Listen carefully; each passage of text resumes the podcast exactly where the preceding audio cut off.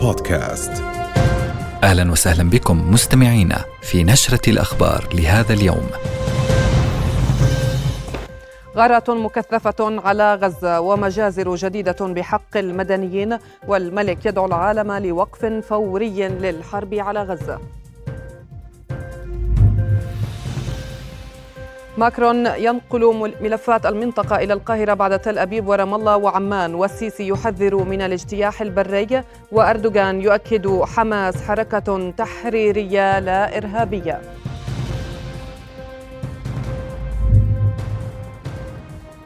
في أول ظهور له منذ الطوفان نصر الله يلتقي قادة من حماس والجهاد الإسلامي لبحث التصدي للعدوان على غزة.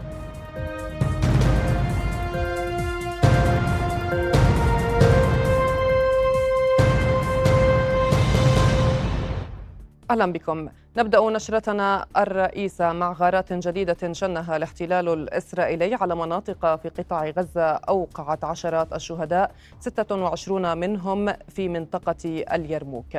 وفي تطور بأساليب المواجهة والرد أطلقت المقاومة في غزة صاروخا صوب منتجع إيلات على بعد 220 كيلومترا من القطاع. فيما أعلنت قوات الاحتلال سقوطه في منطقة مفتوحة. وفي وقت سابق قصفت كتائب عز الدين القسام أهدافا للاحتلال بينها عسقلان وقاعدة رعيم العسكرية. كما أعلنت سرايا القدس قصف حشود عسكرية للاحتلال في صوفا ومجمع أشكول برشقات صاروخية. ومع استمرار حشد قواته على حدود غزة صنف جيش الاحتلال المنطقة الواقعة على بعد كيلومتر من السياج منطقة قتال. وكانت الولايات المتحدة قد نصحت الاحتلال بتأجيل الهجوم البري المزمع بينما تحاول واشنطن إطلاق سراح الرهائن لدى حماس في غزة والذين يزيد عددهم عن 200 رهينة. والآن ننتقل إلى قطاع غزة ومراسل غزة من هناك غازي العلول. أهلا بك غازي. إذا غارات مكثفة على عدة مناطق في قطاع غزة. ضعنا بالصورة بشكل مفصل وما هي آخر التطورات ميدانيا غازي؟ لا تتوقف ابدا الغارات من طائرات الاحتلال الإسرائيلي على مناطق مأهولة بالسكان كذلك مدفعيه الاحتلال تواصل استهداف المناطق الشرقية لقطاع غزة. قبل ساعة أو أكثر من الآن كان هناك استهدافا لحي اليرموك بالتحديد في منطقة النصر شمال مدينة غزة. أبيد مربع سكني كامل عن الوجود وهذا المكان مأهول بالفعل بالسكان. هناك عدد كبير من المواطنين الفلسطينيين آه، آه، يعني يتوجهون داخل شققهم السكنية. إخراج وأبنية آه، شاهقة دمرت بفعل الاستهدافات المتكررة من خلال حزام الناس اخذه الاحتلال في هذه المنطقة، أيضا أمر مشابه كان في التحديد في منطقة البريج لعائلة أبو شمالة ونور. هذه أيضا كان هناك استهداف من خلال حزام ناري. صار عدد من المنازل ووصل عدد من الشهداء والمصابين. الأرقام غير معروفة حتى هذه اللحظة نتيجة الدمار الكبير الذي حصل في هذه المناطق من جراء الاستهداف المتكرر لها وصعوبة وصول قوى الدفاع المدني والإسعاف حتى هذه اللحظة لهذه الأماكن ورفع ال ال ال يعني الشهداء والمصابين من هذه المناطق. ولكن ما نلحظه بأن هناك أعداد كبيرة من الممكن أن ترصد من الشهداء والمصابين خلال الساعات المقبلة في حال تمكنت اطقم الدفاع المدني والإسعاف من انتشال جميع الجثامين من هذه المناطق المستهدفة، أيضا الجنوب لم يسلم من الاستهدافات المستمرة، كان هناك أربع استهدافات في جورة العقاد لعائلات أبو موسى وعائلة كذلك بالإضافة إلى استهداف كان بجوار بجانب آه، طبعا آه، مجمع ناصر الطبي حيث نتواجد منزل يعود لعائلة العقاد. على اثر ذلك وصل عدد كبير من الشهداء أيضا؟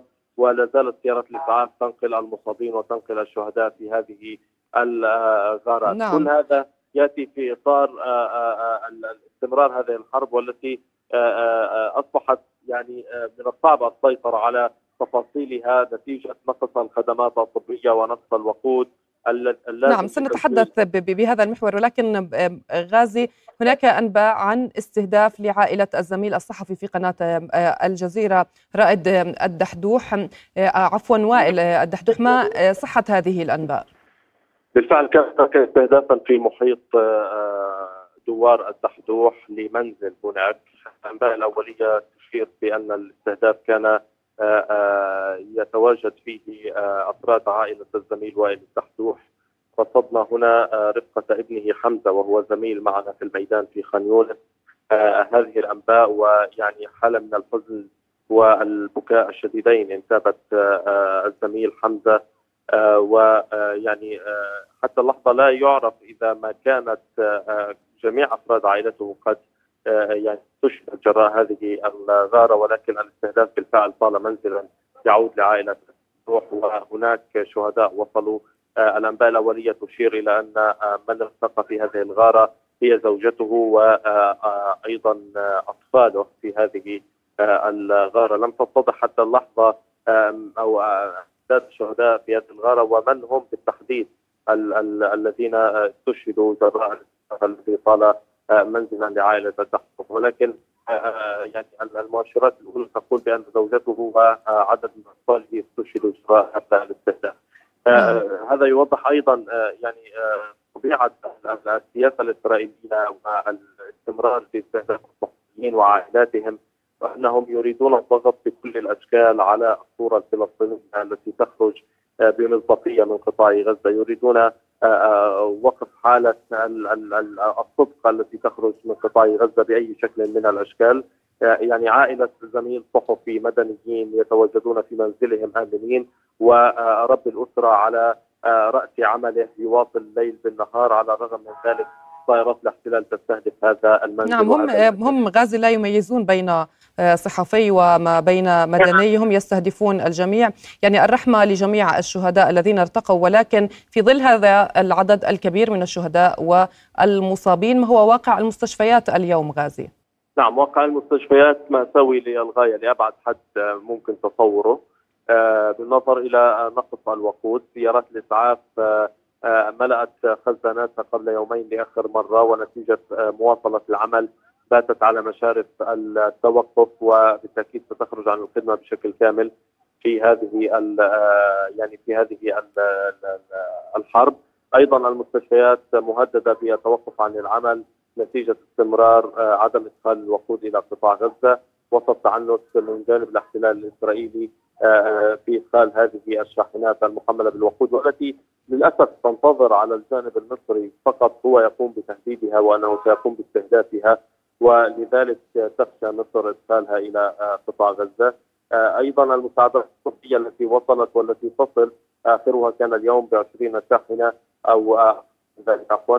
آه، هذه المساعدات ابدا لا تلبي الاحتياج الضروري واللازم لداخل المستشفيات. وطبيعة الإصابات الموجودة هنا في قطاع غزة يعني تحتاج علاجا خاصا تحتاج نوعية آه، معينه الادويه تحتاج آلات تحتاج فتح ممر آمن لإخراج الاصابات الصعبة لتلقي العلاج الخارج هذه أمور مأساوية تزيد وتثقل من كاهل المستشفيات في قطاع غزة. الصحه قالت قبل قليل في تصريح لها إنها آه، آه، لم تعد قادرة على السيطرة وأنها تناشد بمناشدة عاجلة بضرورة التدخل الفوري لوقف هذه الحرب وهذه المجازر المرتكبة بحق المدنيين.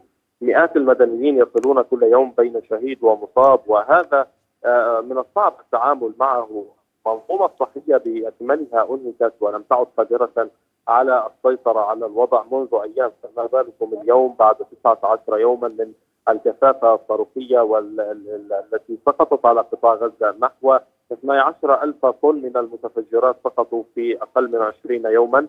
وهو تقول عنه أو يقول عنه المكتب الإعلامي الحكومي إنه يوازي ما القنبلة النووية التي سقطت على هيروشيما وناجازاكي آه، في الحرب العالمية. آه، آه، هذا هذا يوضح حجم الدمار الذي حصل في قطاع غزة والذي أصاب الأحياء السكنية وقتل آلاف طبعا قتل آلاف المدنيين وهجر المليون وأكثر من 400 ألف مواطن فلسطيني. هذه ظروف مأساوية للغاية. لا نعم. يمكن وصفها أبدا وتزداد سوءا مع مرور الوقت ومع استمرار هذه الحرب. يعني كان الله بعونكم غازي. نشكرك جزيل الشكر مراسل رؤية في قطاع غزة غازي العلول. شكرا جزيلا. إذا وعلى وقع القصف المكثف ارتفعت حصيلة عدوان الاحتلال الإسرائيلي على قطاع غزة إلى 6546 شهيدا منهم 2704 أطفال و1584 سيدة و364 مسنا. إضافة إلى إصابة أكثر من 17 ألف مواطن بجراح مختلفة منذ السابع من تشرين الأول أكتوبر الحالي. وزارة الصحة الفلسطينية ذكرت أن الاحتلال ارتكب 44 مجزرة في الساعات الماضية راح ضحيتها 756 شهيدا منهم 344 طفلا إضافة إلى إصابة 1142 مواطن بجراح مختلفة. وأظهرت الإحصائيات أن 65% من ضحايا الأسبوع الحالي كانت في جنوب قطاع غزة والتي يزعم الاحتلال الإسرائيلي أنها مناطق آمنة. وفي السياق تحدثت الوزارة عن 688 مجزرة ارتكبها الاحتلال بحق العائلات راح ضحيتها 4807 شهداء فيما لا يزال ضعف هذا العدد تحت الأنقاض. وتلقت الوزارة 1600 بلاغ عن مفقودين منهم 900 طفل لا يزالون تحت الأنقاض.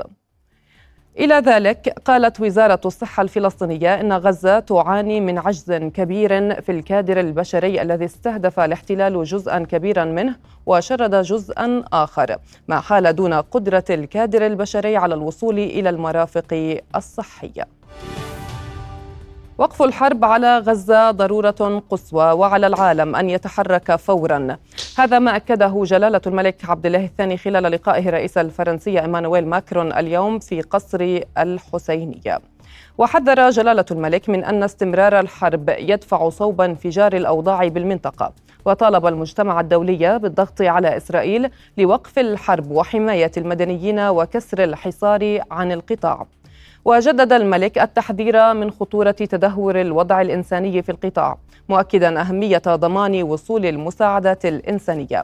كما أكد رفضه لأي محاولات للتهجير أو التسبب بالنزوح داخل القطاع. وفي لقاء آخر مع وفد مجلس العموم البريطاني جدد جلالة الملك المطالبة بوقف الحرب فورا وحماية المدنيين. وحذر من تسارع تدهور الأوضاع في غزة ووقوع عواقب كارثية لتوسع الحرب في الإقليم.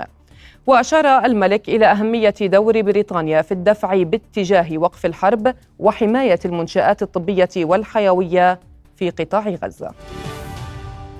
وإلى القاهرة حيث اتفق ماكرون مع الرئيس المصري عبد الفتاح السيسي على أهمية التهدئة واحتواء الموقف في قطاع غزة وضرورة حل الدولتين وفق إعلان الرئاسة المصرية. وبحث السيسي مع نظيره الفرنسي العمل على إطلاق مزيد من الأسرى والرهائن في قطاع غزة. كما وحذر من اجتياح بري للقطاع يتسبب في عدد كبير من الضحايا المدنيين. وأوضح في مؤتمر صحفي مشترك مع ماكرون أن هدف الاحتلال المعلن بتصفية حماس يتطلب سنوات طويلة جدا. كما ذكر السيسي أن التوسع الاستيطاني والانتهاكات في الأقصى خلال السنوات الماضية زادت تغذية الكراهية. ومن جانبه أعلن الرئيس الفرنسي مقتل 31 فرنسيا في الحرب الدائرة بفلسطين. وأكد سعي بلاده لمبادرة أمن وسلام تجنبا لمزيد من التصعيد. هذا ويواصل الاحتلال الإسرائيلي ارتكاب الجرائم بحق الشعب الفلسطيني. إذ استشهد أربعة شبان فلسطينيين في مخيم جنين وأصيب آخرون جراء قصف شنته طائرة مسيرة على المخيم شمالي الضفة الغربية فجر هذا اليوم.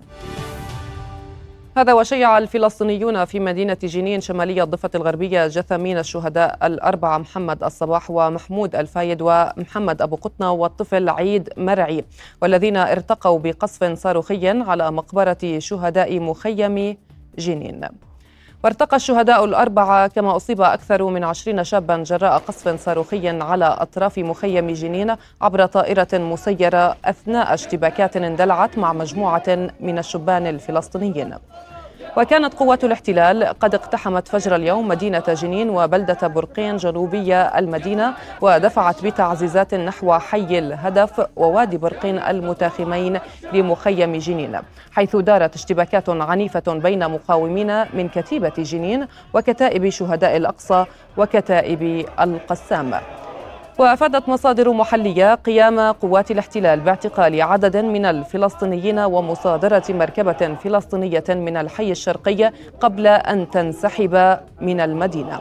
وبارتقاء الشهداء الأربعة يرتفع عدد شهداء الضفة الغربية منذ بدء معركة طوفان الأقصى إلى 104 شهداء بينهم شهيدان ارتقيا داخل سجون الاحتلال. شيعت مدينة القدس المحتلة جثمان الشهيد أحمد مطير الذي استشهد صباح هذا اليوم خلال اقتحام قوات الاحتلال لمخيم قلنديا. وانطلق موكب التشييع من منزل من منزل الشهيد إلى مسجد المخيم وسط هتافات منددة بجرائم الاحتلال ودعا المشاركون إلى وضع حد لجرائم الاحتلال واستهدافه لمخيم قلنديا بشكل متواصل. ومع ارتقاء الشهيد مطير ارتفعت حصيلة الشهداء في الضفة الغربية إلى 104 شهداء منذ السابع من أكتوبر الحالي بينهم شهيدان داخل سجون الاحتلال. دخلوا الجيش آه على المخيم بكثرة يعني بجوز فوق ال 200 300 واحد. آه وهو طلع على السطح الولد وطلعوا مع البنات عماته وأمه اللي طلع معاه طلع. آه، بعد صلاة الفجر طخوا اليهود واستشهد رحمة الله عليه. هم أصلا دائما بيطلقوا النار بهدف القتل. مش أول مرة يعني ولا ولا آخر ولا آخر شهيد. يعني هم اللي بيقتلوا أطفال مش بهدف القتل. يعني بيقتلوا أطفال عندنا بيقتلوا أطفال في غزة بهدف القتل مش بهدف القتل؟ الجيش معبي المخيم. طلع زي زي العالم اتفرجوا على السطح. طخوا. هذا هو. حتى جينا نطلع اخذنا على المستشفى على الفاضي ما رضوش يمركونا. ولا رضوا يمركوا الامبولانس إذا للوقوف على آخر التطورات في الضفة الغربية المحتلة تنضم إلينا من هناك مراسلتنا أسيل سليمان. أهلا بك أسيل. أسيل إذا آه، تزداد حدة المواجهات الليلية في الضفة الغربية. ضعينا في صورة ما حدث خلال ال 24 ساعة الماضية أسيل. نعم يعني ارتفع عدد الشهداء بداية إلى 104 شهداء في عموم أنحاء الضفة الغربية. آه، انطلقت مواكب تشييعهم أيضا في أماكن استشهادهم. نتحدث عن أربعة شهداء في جنين شهيد في طول كرم شهيد في قلقيليه وشهيد في آه، آه، قلنديا مخيم قلنديا شمال القدس المحتلة. هذا من جهة. من جهة أخرى انطلقت مسيرات في مدن الضفة الغربية في مراكزها في الحقيقة وتوجهت بعدها إلى نقاط التماس للمواجهة مع الاحتلال. لكن كما ذكرت حدة هذه المواجهات تزداد بشكل رئيسي في الليل حيث يجد الشبان في الليل ساترا أمام جنود الاحتلال كي يستطيعوا بالفعل الاقتراب آه، لنقل أكثر يعني مسافة ممكنة من النقاط العسكرية والحواجز حتى لا آه، يعني يكون آه، لجيش الاحتلال تقدم أو تفوق عليهم في آه، الرؤية وما إلى ذلك. وخاصة أيضا في الاشتباكات المسلحة، الاشتباكات المسلحة تترافق وتتزامن بشكل معتاد مع اقتحامات جنود الاحتلال للمدن المدن الضفة الغربية لتنفيذ عمليات آه، عسكرية فيها وحملات اعتقال تطال آه، أبرز المقاومين، لذلك يتصدى الشبان بالسلاح أي أن هناك تكون اشتباكات في الحقيقة ليست فقط مواجهات بين الشبان وقوات آه، الاحتلال في فترة الاقتحامات التي تتم عادة في الليل. يتم الحشد منذ اليوم أيضا وأيام سابقة للجمعة الثالثة من جمع طوفان الأقصى لجعله يوم نفير عام وغضب شامل في أنحاء الضفة الغربية وإعلان أيضا الإضراب العام في ذلك اليوم لحشد أكبر عدد من المواطنين للمشاركة في الفعاليات الشعبية في بمراكز المدن وأيضا آه، التوجه بعدها لنقاط التماس والمواجهات مع الاحتلال. أما فيما يتعلق في الأسرة فكل ما يصل من أخبار من السجون وهي أخبار شحيحة جدا آه، وربما متكررة هي ذاتها منذ اليوم الأول للعدوان طبعا نظرا لعرقلة آه، إدارة السجون التواصل بين الهيئة الممثلة للأسرة داخل السجون أو حتى مؤسسات الأسرة والخارج أي طبعا وصول أي أخبار سواء للمحامين أو للعائلة أو لهذه المؤسسات المعنية بشؤون الأسرة. آخر ما وصلنا أن الشهيد عمر ضراغم الذي ارتقى داخل السجون قبل يومين يبلغ من العمر 58 عاما في معتقل من جده بحسب تقارير طبية أصدرتها إدارة السجون كان يعاني من نزيف داخلي ما يعني أن آه، أنه استشهد نتيجة الضرب المبرح وأيضا نتيجة التحقيق العسكري الذي خضع له في أيام اعتقاله. نتحدث عن شهيدين برصاص آه، إدارة السجون ورصاص الاحتلال داخل السجون عفوا باعتداءات آه، إدارة السجون والسجانون عليهم. في أقل من 24 ساعة هذا قبل يوم من الآن وهذه في الحقيقة سابقة. نعم. أسيل عدد المعتقلين إلى هذه اللحظة في في الضفة الغربية وأيضا في مدينة القدس. نعم نتحدث أيضا عن عدد آه، إجمالي يقارب في السجون حاليا أكثر من 6600 أسير آه، معتقل. بعضهم لم يحولوا للمحاكمة بعد. بعضهم لم آه، يعين لهم محامون. بعضهم عائلاتهم لا تعلم أصلا أنهم معتقلون. وعدد كبير جدا منهم حولوا للاعتقال الإداري. فيما يتعلق ببداية الهبة منذ 19 يوما نتحدث عن أكثر من 1350 معتقل من عموم الضفة الغربية. لكن هذا العدد هو أكثر بكثير في الحقيقة لأن آه، آه، يعني نادي الأسير لم لم يستطع إحصاء عدد العمال الذين تم اعتقالهم من آه، مختلف مناطق الضفة الغربية. طبعا بعد أن رحلهم الاحتلال من مناطق عملهم في الداخل المحتل إلى مناطق الضفة الغربية. معظم هؤلاء العمال تم اعتقالهم خاصة في مدينة الخليل وبالتحديد في ترقوميا. تم تم اعتقالهم خلال بيت عزاء فتحه أهالي ترقوميا في الخليل. للعمال الذين استشهد آه، أهلهم في قطاع غزة خلال العدوان آه، على القطاع، اذا هؤلاء العمال ليس لدى نادي الأسير إحصائية حول عددهم التي بالطبع تضاف إلى إحصائية المعتقلين وأيضا نعم. المعتقلون من قطاع غزة ليست هناك آه، أعداد واضحة حولهم. نعم أشكرك جزيل الشكر مراسلة رؤيا أسيل سليمان كنت معنا من رام الله وننتقل مباشرة إلى مدينة نابلس وحافظ أبو صبرة أهلا بك حافظ. إذا حافظ يعني أبرز التطورات على الأرض في مدينة نابلس وأيضا حدثنا عن أبرز ما يتم تداوله في الإعلام العبري حول عملية طوفان الأقصى في يومها التاسع عشر. نعم إخلاص. يعني في البداية لابد من أن نعزي أنفسنا باستشهاد أفراد عائلة زميلنا الكبير وائل الدحدوح. منذ قليل أعلن عن ارتقاء ابنه وزوجته وابنته وعدد من أفراد عائلته وإصابة البقية في قصف ولربما هذا القصف مقصود لأنه جاء في ذات اليوم الذي اتهمت فيه الأمم المتحدة إسرائيل باغتيال شيرين أبو عاقلة. وجاء في ذات اليوم الذي طالبت فيه الولايات المتحدة الأمريكية وإسرائيل دولة قطر الضغط على قناة الجزيرة للتخفيف من حدة تغطيتها للأحداث في قطاع غزة وعدوان الاحتلال. يعني المشهد وهو يودع ابنه يدمي القلوب حقيقة ويؤكد بأن الصحافة اليوم في عين صواريخ الاحتلال كما كل من هو في غزة سيما مع اغتيال أكثر من سبعة صحفيين اليوم في قطاع غزة. هذا يرفع عدد الشهداء من الزملاء الصحفيين إلى أكثر من 25 شهيد الصحافة الطواقم الطبية أكثر من 75 12 من أفراد الدفاع المدني موظفي الأمم المتحدة كل الطواقم العاملة في قطاع غزة في استهداف قوات الاحتلال وصواريخها.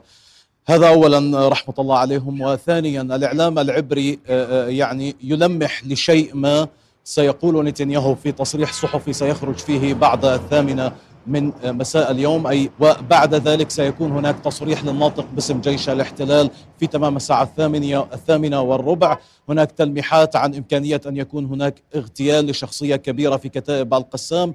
ولكن آه، يعني جزء من وسائل الإعلام تذهب في هذا الاتجاه وتقول بأن الأمر مرتبط بدعوة المستوطنين في محيط غلاف غزة للابتعاد عن الأماكن المفتوحة واللجوء إلى أماكن آه، آه، تحميهم وإلى الملاجئ.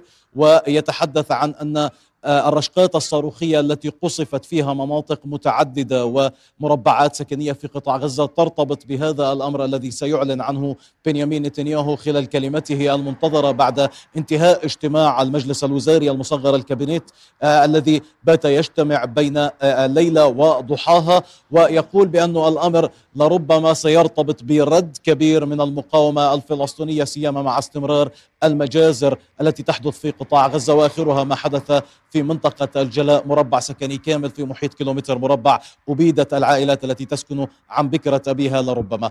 هذا ما يضطر أبرز ما يتطرق إليه في الإعلام العبري في هذه اللحظات وابتعدوا قليلا عن حدة النقاشات والاختلافات التي كانت تدور بين رئيس الوزراء بنيامين نتنياهو ووزير الدفاع وجالنت ورؤساء الأجهزة الأمنية وقادة الجيش حول موضوع تأجيل أو البدء بعملية برية. كانوا يتحدثون عن أن الولايات المتحدة طلبت تأجيل هذه العملية البرية حتى تنتهي من نشر بوارجها الحربية في المنطقة. وكان هناك حديث عن تقدم فيما يتعلق بالمفاوضات غير المباشرة حول صفقة أسرى إنسانية يعني يفرج من خلالها عن الأسرى المدنيين لدى المقاومة مقابل شروط تخفف من حدة الأوضاع الإنسانية في قطاع غزة ولربما هدنة لساعات إنسانية تتيح المد القطاع بجسر مفتوح من المساعدات الطبية والإنسانية. فيما يتعلق بالأوضاع الميدانية في نابلس وفي شمال الضفة الغربية تبدو هادئة ولكن هذا الهدوء حذر لأنه الأمور تتغير بين لحظة وأخرى سيما مع ما شاهدناه خلال الأيام السابقة قصف على جنين مواجهات واشتباكات في نابلس في طول كرم عملية عسكرية واستهداف بالطائرات المسيرة وحملة الاعتقالات مستمرة في كل أنحاء شمال الضفة الغربية. نعم. وعلى ما يبدو يقول الفلسطينيون بأن الاحتلال انتهى من حملة اعتقالاته في الجنوب في الخليل وبدأها في نابلس بشكل مكثف ولكن على وقع الاشتباكات والرصاص الحي. نعم. نشكرك جزيل الشكر مراسل رؤيا في مدينة نابلس حافظ أبو صبرة ونعزي مرة أخرى الزميل وائل الدحدوح مراسل قناة الجزيرة لاستشهاد أفراد عائلته. نعى حزب الله اللبناني خمسة شهداء قضوا في مواجهات مع قوات الاحتلال الإسرائيلي صباح هذا اليوم ليصل عدد شهدائه إلى 13 خلال الساعات الأربع والعشرين الماضية. وفي سياق متصل التقى أمين عام الحزب حسن نصر الله مع نائب رئيس المكتب السياسي لحركة حماس صالح العرعوري وأمين عام حركة الجهاد الإسلامي زياد نخالة وذلك لبحث الخطوات التي يجب القيام بها لوقف العدوان على قطاع غزة والمواجهات القائمة عند الحدود اللبنانية وفق بيان حزب الله. وجرى خلال اللقاء تقييم المواقف المتخذة دوليا وإقليميا وما يجب على أطراف محور المقاومة القيام به في هذه المرحلة الحساسة. وأسفرت المواجهات عند الحدود اللبنانية منذ السابع من أكتوبر عن خمسين شهيدا غالبيتهم مقاتلون من حزب الله وأربعة مدنيين بينهم مصور صحفي. فيما قتل أربعة أشخاص على الأقل من جانب الاحتلال الإسرائيلي. وبوتيرة متفاوتة بين يوم وآخر تتسارع الأحداث الأمنية في جنوب لبنان مع تبادل الهجمات بين حزب الله والاحتلال الإسرائيلي. حزب الله نفذ عمليات استهدفت ثلاثة مواقع عسكرية للاحتلال وأعلن عن هجوم نفذه عناصره على دبابة صهيونية في ثكنة أفيفين بالصواريخ الموجهة وأوقعوا أفراد طاقمها بين قتيل وجريح. وعلى إثر ذلك أعلن جيش الاحتلال أنه قصف الموقع الذي تم إطلاق الصاروخ المضاد للدروع منه باتجاه أفيفيم وشنوا ضربات مدفعية على جنوب لبنان ردا على استهداف كريات شمونة. كما قصف بالقنابل الفسفورية على أطراف اللبونة وطال القصف المدفعي أطراف بلدتي رامية وعيت الشعب وطير حرفة في القطاع الغربي. إلى ذلك أقدمت مسيرة إسرائيلية على إطلاق صاروخين على محيط بلدة كفر شوبا في جنوب لبنان. وأشار جيش الاحتلال إلى أنه تم القضاء على خمسة خلايا في جنوب لبنان حاولت إطلاق قذائف ضد قواته. وللوقوف على آخر التطورات تنضم إلينا الآن من بيروت مراسلتنا جوانا ناصر الدين. أهلا بك جوانا. إذا يعني بعد هذه الجولة الجديدة ما هي آخر التطورات الميدانية وأيضا ما صحة استهداف دورية للجيش اللبناني وقوات اليونيفيل؟ نعم مساء الخير. آه آه بعد احتدام حدة الاشتباكات على الحدود بعد ظهر اليوم يسجل في هذه الأثناء هدوء حذر لكن طائرات الاستطلاع التابعه للاحتلال لا تغادر سماء المنطقة آه، الجنوبية. آه، وأود أن أشير إلى أنه بالأمس عندما تحدثنا عن سماع ذوي انفجار في ضواحي بيروت آه، كان ناتج عن تحليق لطيران الحرب الإسرائيلي على علو منخفض ما أدى إلى سماع هذا الصوت. اذا هدوء حذر الآن وكان قبل ذلك قصف جيش الاحتلال على منطقة غورة الواقعة بين دير ميماس وكفر كلا آه، أما عن صحة آه، آه، استهداف دورية للجيش اللبناني واليونيفيل صحيح كانت وردت هكذا معلومات ولكن مصادر في اليونيفيل قالت لرؤيا إن تبادل إطلاق النار استمر على طول الخط الأزرق اليوم لكن لم يتم استهداف أو إصابة أي دوريات تابعة لليونيفيل خلال هذه الاشتباكات تم استهداف أحد الجدران. في آه، آه، آه، في مركز لقوات اليونيفيل عند الناقورة لكن حفظت السلام التابعين لليونيفيل يتابعون مهامهم ويواصلون أنشطتهم بما في ذلك الدوريات. نعم نشكرك جزيل الشكر مراسلة رؤيا في بيروت جوانا نصر الدين شكرا جزيلا لك. رغم تواصل الحراك السياسي الساعي إلى وقف إطلاق النار في غزة من جهة وتأييد كيان الاحتلال الإسرائيلي من جهة أخرى، إلا أن هذه التحركات لم تستطع أن تحقق أي نتيجة أو تغير من واقع الحال على الأرض. الدنيا كلها مش متحركة لهيك عالم، متى سيتاثروا يعني؟ الشعب صامت، لن نرحل، لن تتكرر الهجرة مرة أخرى. بهذه الكلمات البسيطة اختصر الرجل المشهد في غزة والعالم حيال عدوان الاحتلال الإسرائيلي على الفلسطينيين. وفيما تتفاعل القضية الفلسطينية على المستوى الشعبي إلا أنها لا تبارح مكانها سياسيا. تعنت الاحتلال وصمت حكومات الغرب على جرائمه في غزة. لا يزال العنوان العريض. أما معاناة الفلسطينيين فعنوان فرعي وضرر جانبي قد تذكره وسائل الإعلام الغربية على خجل أو تتجاهله تماما بحسب سياق حاجتها. في مجلس الأمن ورغم محاولات إصدار قرار بوقف إطلاق النار إلا أن فيتو إحدى الدول الخمس الدائمة العضوية يكون في المرصاد. بل وأكثر أصبح المكان منصة لتقاذف الاتهامات والردح السياسي. It is important to also recognize the attacks by Hamas did not happen in a vacuum. The Palestinian people have been subjected to 56 years of suffocating occupation. Mr. Secretary General, in what world do you live? Definitely, this is not our world.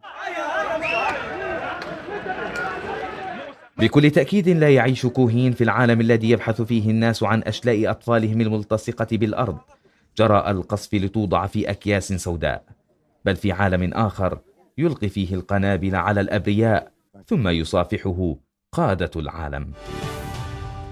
أعلن الرئيس التركي رجب طيب أردوغان اليوم إلغاء كل خططه لزيارة كيان الاحتلال الإسرائيلي جراء حربها اللا إنسانية على قطاع غزة. أردوغان قال أمام كتلة نواب الحزب الحاكم في البرلمان إن العلاقات بين الجانبين كان يمكن أن تكون مختلفة لكن ذلك لن يحصل بعد الآن. وأضاف الرئيس التركي أنه لا توجد أي دولة أخرى يتصرف جيشها بمثل هذه اللا إنسانية وفي خطاب حاد اللهجة قال أردوغان إن حركة حماس ليست منظمة إرهابية إنما يشكل عناصرها مجموعة تحرير تقوم بحماية أرضها. أكدت قطر وتركيا رفضها التام للتعامل مع الحرب في غزة بازدواجية المعايير. وأدانتا سياسة العقاب الجماعي تجاه القطاع وسكان القطاع. جاء ذلك خلال مؤتمر صحفي عقد في الدوحة. جمع رئيس الوزراء ووزير الخارجية القطري محمد بن عبد الرحمن الثاني مع وزير الخارجية التركي هاكان فيدان. وزير الخارجية القطري قال أنه لا يجوز إدانة قتل المدنيين في كيان الاحتلال الإسرائيلي وتبريره في غزة. من جهته وزير الخارجية التركي قال إن فشل بعض الدول في إدانة ومنع الدمار والكارثة في غزة يشكل ازدواجية معايير خطيرة للغاية ويلعب دورا في زعزعة الاستقرار. مضيفا أن العملية في غزة يجب أن تتوقف في أسرع وقت ممكن كما يجب فتح الممرات الإنسانية. أود هنا آه، أن أشير إلى استغرابنا واستنكارنا لتصريحات بعض المسؤولين الإسرائيليين وكيل الاتهامات لبلادي في الوقت الذي نستمر فيه في بذل الجهود لضمان إطلاق سراح الأسرى وخفض التصعيد إلى أن هذه التصريحات المستفزة آه، تقوض الجهود القائمة وتخاطر بالأرواح ولا يمكن فهمها إلا في سياق الابتزاز السياسي والدعاية السياسية ونتوقع من كل الأطراف احترام الجهود التي تبذلها دولة قطر وشركائها ومساعدتنا على إنجاحها ونجد أنفسنا أمام اختبار للقانون الدولي بل وكافة القيم التي قام عليها النظام الدولي بعد الحرب العالمية الثانية. تزداد معاناة الغزيين يوما بعد يوم وتأمين الطعام والشراب حرب أخرى يخوضها النازحون في صراع للبقاء وسط أوضاع إنسانية مأساوية. في الحرب ثمة حروب أخرى يجهلها الكثيرون. هنا سامية تخوض حربا من نوع آخر هي حرب الحصول على زاد يومها وعائلتها. تصارع قبل أن يفرغ قدر الطعام كما فرغ صبرها والحاصل على بعض منه كالحاصل على كنز ثمين. ربنا عالم كيف مندبر إحنا بناخد من هين الأكل يعني زي زي حدا قتلنا مش عارفين نعيش. لا في خبز لا في مي حمامات خنقه لا عارفين نتوضى لا عارفين نصلي لا عارفين نعمل أي شيء. أنا بنا أنا بنت فلسطين بناشد كل الدول العربية تتحرك. وين أنتوا يا عرب عن الشعب الفلسطيني؟ حصار وجوع وحروب. تعبنا إحنا تعبنا كتير كتير كتير. هذا الطعام الساخن لم تحصل عليه آلاف العائلات النازحة منذ بداية الحرب. لتقرر مجموعة من الشبان التطوع وصنعه كل يوم للنازحين هنا في كلية تدريب خان يونس التابعة للأونروا. إحنا متطوعين. شايف شعرنا في نقص في الغذاء للناس. آه، فأجتنا فكرة وشفنا أهل خير وصاروا يوفروا لنا وشوية شوية بدينا وبنعمل يعني للناس أكل سخن لأنه الناس لهم تقريبا ثلاث أسابيع بدون معلبات بياكلوا وفي ناس ما شافوش الأكل يعني. الناس طلعت من بيوتها بملابسها آه، بدون أي شيء يعني بدون أي شيء ما همش فلوس طلعوا بملابسهم ما همش غيارات ووصل أعداد النازحين في كل قطاع غزة إلى مليون وستمائة ألف غزي. بعضهم ذهب لمدارس الأونوروا وآخرون نزحوا في دور العبادة وعند أقارب لهم منتظرين أن تضع الحرب أوزارها. يواصل الأردنيون في مختلف محافظات المملكة تنفيذ وقفات تضامنية نصرة للمقاومة الفلسطينية وتنديدا بهجمات قوات الاحتلال المستمرة على الفلسطينيين في قطاع غزة. ومن الرابية ينضم إلينا الآن مراسل رؤية من هناك إسماعيل السلاوي. أهلا بك إسماعيل. إذا أين تتواجد تحديدا في الرابية إسماعيل؟ وحدثنا عن هذه الوقفة وأبرز المطالب والشعارات التي يرفعها المتظاهرون. خلاص أنا في آه، ساحة الكالوتي الساحة المركزية والرئيسية للاعتصام. خلاص اليوم آه، أمام آه، الجهات المنظمة والفعاليات الشعبية والوطنية تحد بأن يبقى نبض الشارع الأردني يغلي ويبقى مساندا وبعد 19 يوما هذا التحدي يصعب يوما تلو الآخر. اليوم الأعداد ليست كما كانت يوم أمس لكن أيضا آه، تحاول آه، الأحزاب السياسية والفعاليات الشعبية بأن توزع الجهد في آه، مناطق مختلفة في العاصمة وخاصة مع إمعان العدو الصهيوني في استهداف المدنيين والمجازر على الهواء مباشرة. يعني لابد أن تبقى هكذا يقول المنظمون أن تبقى الساحات ممتلئة وأن لا تفرغ هذه الساحات. اليوم إخلاص هناك احتقان وغضب في الشارع الأردني بسبب آه، زيارة الرئيس الفرنسي لعمان بعد زيارة مكوكية للمنطقة كما وصف في آه، عدد من الدعوات التي انتشرت على وسائل التواصل الاجتماعي. خلاص آه، كان يعني والهتافات طبعا الآن مستمرة بأنه لا مرحبا بشركاء العدوان على أرضنا هكذا كتب على الدعوات وهكذا يهتف المعتصمون هنا في الرابية في هذا هذا المكان المركزي والذي يعني مستمر منذ السابع من أكتوبر وحتى هذه اللحظة مستمرة. طبعا الوقفات والاعتصامات والهتافات في الرابية في في الكالوت التي تبعد أقل من ربع ساعة مشيا على الأقدام عن سفارة العدوان في عمان. طبعا الهتافات المستمرة بطرد السفير الإسرائيلي من عمان جلب السفير الأردني لدى تل أبيب تسجيل المواقف واستخدام الأوراق الضاغطة سياسيا آه، سياسيا طبعا ودبلوماسيا لمحاولة وقف شلال الدم في غزة والإمعان في قتل المدنيين في غزة. هكذا وهذه الشعارات التي ترفع مع العلمين الأردني والفلسطيني طبعا في كل في كل فعالية. في هذه اللحظة أيضا هناك فعاليات في شرق وجنوب العاصمة عمان حين زال هناك مسيرة من المفترض أن تكون مسيرة حاشدة. وأيضا يوم غد دعوات لمهرجان جماهيري غاضب آه، للوقوف آه، إخلاص مع إخواننا في غزة ورفضا للعدوان الصهيوني في مرج حمام في مرج الحمام سيكون آه، جنوب العاصمة. عمان الهتافات من هنا من الرابيه إخلاص. نشكرك جزيل الشكر إسماعيل السلاوي مراسل رؤيا كنت معنا من الرابية. والآن ننتقل إلى النشرة الاقتصادية والزميل حمدان عايش. مساء الخير حمدان. مساء الخير إخلاص. أهلا بكم. دخل نفاذ المحروقات في قطاع غزة مرحلة حرجة حيث حذر سائقون من كارثة إنسانية واقتصادية في القطاع المنكوب مع استمرار الاحتلال إحكام قبضته منع دخول صهاريج الوقود. المكتب الإعلامي الحكومي في غزة أكد في تصريح صحفي أن شاحنات المساعدات التي وصلت منذ بداية الأسبوع إلى قطاع غزة لم تشمل أي كميات وقود ولفت إلى أن الوقود المتوفر حاليا لا يكفي لاستمرار عمل المنظومة الصحية في القطاع. ما يشكل تهديدا مباشرا على حياة المدنيين. وفي ذات السياق حذر المدير القطري لبرنامج الغذاء العالمي في فلسطين سامر عبد الجبار وعبد الجابر من التداعيات الخطيرة لوقف إمدادات الغذاء والكهرباء والوقود وغيرها على قطاع غزة. وطالب بضرورة السماح بدخول جميع الاحتياجات الإنسانية للقطاع دون فرض أي قيود وتمكين العاملين من تأدية عملهم والوصول للمحتاجين.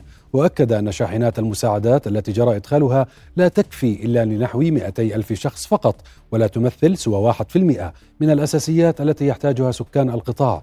ولفت الجابر إلى أن استجابة البرنامج منذ بدء العدوان تتلخص في تقديم المساعدة من الخبز والمعلبات الجاهزة لحوالي 475 ألف فلسطيني في مراكز الإيواء التابعة لوكالة غوث وتشغيل اللاجئين الفلسطينيين بالإضافة إلى توزيع المساعدات مع تزايد المخاوف من اتساع نطاق الحرب الدائرة في الأراضي الفلسطينية منذ أكثر من أسبوعين تجددت المخاوف من تأثر التجارة العالمية البحرية وسط ترقب لقرارات شركات التأمين العالمية بشأن الرسوم وأثرها على إمدادات وأسعار السلع.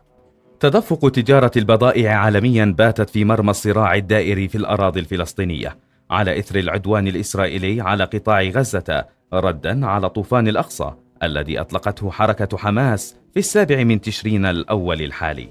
بتأثر الملاحة البحرية كمختص في القانون البحري ولوجستيات النقل البحري آه، في ميناء العقبة أو في المنطقة. هذا سابق لأوانه. سابق لأوانه لحد الآن ما في أي تأثير. كون المنطقة اللي حصلت فيها الحرب منطقة محصورة في منطقة غزة وما انتقلت للبحر. بنعرفش آه، في المستقبل. راح يكون في تأثير؟ راح يكون في تأثير فيما لو تعرضت أي سفينة لضرب مباشر أو غير مباشر بقذيفة وهون الموضوع مختلف. منظمة التجارة العالمية حذرت من تداعيات اتساع الحرب على تدفقات التجارة العالمية الضعيفة أصلا إذ كانت خفضت عشية عملية طوفان الأقصى توقعاتها لنمو التجارة العام الحالي. من واحد وسبعة أعشار في المئة في نيسان إلى ثمانية أعشار في المئة. منصة الخدمات اللوجستية عبر الإنترنت حذرت من أن التوسع في الاشتباكات الحالية قد يشكل مخاطر على عملية الشحن الحيوية في المنطقة رغم أن مساهمة موانئ أشدود وحيفا لا تتخطى أربعة أعشار في المئة من حركة الحاويات العالمية. في دراسات واجتماعات حاليا في أنه يرتفع نسبة التأمين البحري وهي موجودة من خلال المجلات العالمية المسؤولة عن التأمين إلى تقريبا 3.5% يعني ارتفاع كبير كبير. الحرب بدأت تلقي بظلالها على التجارة البحرية مع بدء ارتفاع أسعار التأمين بسبب مخاطر اتساع الحرب فيما تراجع شركات تأمين أحكام التغطية للموانئ ضمن حدود منطقة النزاع سواء التأمين على السفن ومعداتها أو التأمين على البضاعة. التأمين البحري والنقل البحري هو يتحكم فيه بورصة والبورصة هاي موجودة بلندن ومن خلال قطاع ملاك السفن والقطاع اللي يتحكم فيه الاتحاد العالمي للتأمين البحري. فبنظروا الموضوع حاليا يعني الارتفاع أصبح تقريبا جزء من التسعة بالعشرة بالألف. يعني لسه ارتفاعهم بسيط ولكن في عندهم المناطق العالم فيها مناطق محددة فيها كل سعر مختلف على هوا خطورة المنطقة.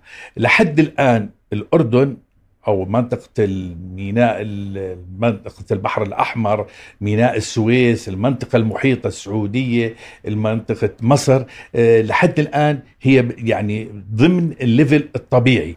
محاذير من انعكاس الحرب على المنطقة العربية عصب حركة النقل البحري. وفي حال تعرض أي سفينة لقصف مباشر أو غير مباشر سيرتفع التأمين وسيكون له عواقب وخيمة على إمدادات الأسواق وأسعار البضائع في مختلف دول العالم التي تواجه موجة تضخمية دفعت البنوك المركزية إلى رفع أسعار الفائدة بوتيرة عالية منذ فترة طويلة. مع تصاعد المخاوف من تحول الحرب المتواصلة منذ 19 يوما داخل الأراضي الفلسطينية إلى نزاع إقليمي أوسع حذر مسؤولو مؤسسات اقتصادية دولية من تداعيات الحرب على الاقتصاد العالمي والمنطقة. التحذير جاء خلال أعمال مؤتمر دافوس في الصحراء المنعقد في السعودية إذ قالت مديرة صندوق النقد الدولي كريستين جوفيرا أن الحرب بدأت تؤثر بشكل سلبي على اقتصادات دول في المنطقة بخاصة الأردن ومصر ولبنان. وأوضحت أن التأثير تمثل في توقف تدفق السياح وتردد المستثمرين باتخاذ قرارات استثمارية فضلا عن تداعيات تتمثل في تكلفة التأمين ومخاطر ارتفاع عدد اللاجئين. رئيس البنك الدولي أغاي بانجا قال إن الحرب يمكن أن تضع الاقتصاد العالمي أمام منعطف خطير جدا. إلى هنا نصل لنهاية أخبار الاقتصاد المتعلقة بعدوان كيان الاحتلال على قطاع غزة المنكوب. إليك إخلاص. شكرا حمدان. وصلنا إلى ختام النشرة الرئيسة في أمان الله.